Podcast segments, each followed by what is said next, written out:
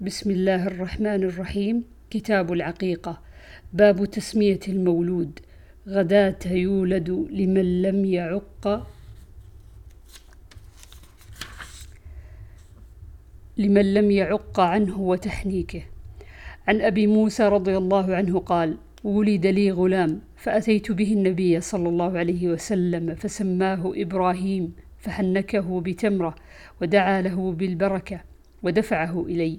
وكان أكبر ولد أبي موسى. عن عائشة رضي الله عنها قالت أتي النبي صلى الله عليه وسلم بصبي يحنكه فبال عليه فأتبعه الماء. عن أسماء بنت أبي بكر رضي الله عنهما أنها حملت بعبد الله بن الزبير بمكة. قالت فخرجت وأنا متم فأتيت المدينة فنزلت قباء فولدت بقباء. ثم أتيت به رسول الله صلى الله عليه وسلم فوضعته في حجره ثم دعا بتمرة فمضغها ثم تفل في فيه فكان أول شيء دخل جوفه ريق رسول الله صلى الله عليه وسلم. ثم حنكه بالتمرة ثم دعا له فبرك عليه وكان أول مولود ولد في الإسلام. ففرحوا به فرحا شديدا لأنهم قيل لهم إن اليهود قد سحرتكم فلا يولد لكم.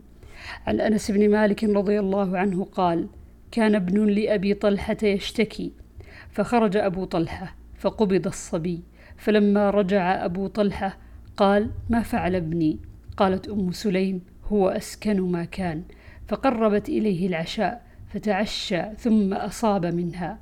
فلما فرغ قال فلما فرغ قالت واري الصبي فلما أصبح أبو طلحة أتى رسول الله صلى الله عليه وسلم فأخبره فقال أعرستم الليلة؟ قال نعم. قال اللهم بارك لهما في ليلتهما فولدت غلاما. قال لي أبو طلحة أحفظه, أحفظ احفظه حتى تأتي به النبي صلى الله عليه وسلم. فأتى به النبي صلى الله عليه وسلم. وأرسلت معه بتمرات فأخذه, فأخذه النبي صلى الله عليه فأخذه النبي صلى الله عليه وسلم فقال أمعه شيء؟ قالوا نعم تمرات. فأخذها النبي صلى الله عليه وسلم فمضغها ثم أخذ من فيه فجعل فيه في الصبي وحنكه به وسماه عبد الله. باب إماطة الأذى عن الصبي في العقيقة. عن سلمان بن عامر قال مع الغلام عقيقة.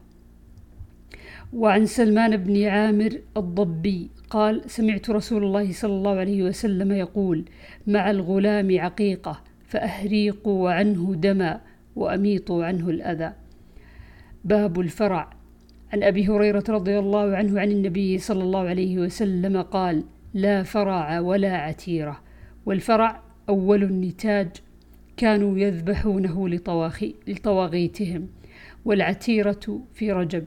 باب العتيرة. عن أبي هريرة عن النبي صلى الله عليه وسلم قال لا فرع ولا عتيرة. قال والفرع أول النتاج كان أول النتاج كان ينتج لهم. كانوا يذبحونه لطواغيتهم. والعتيرة في رجب.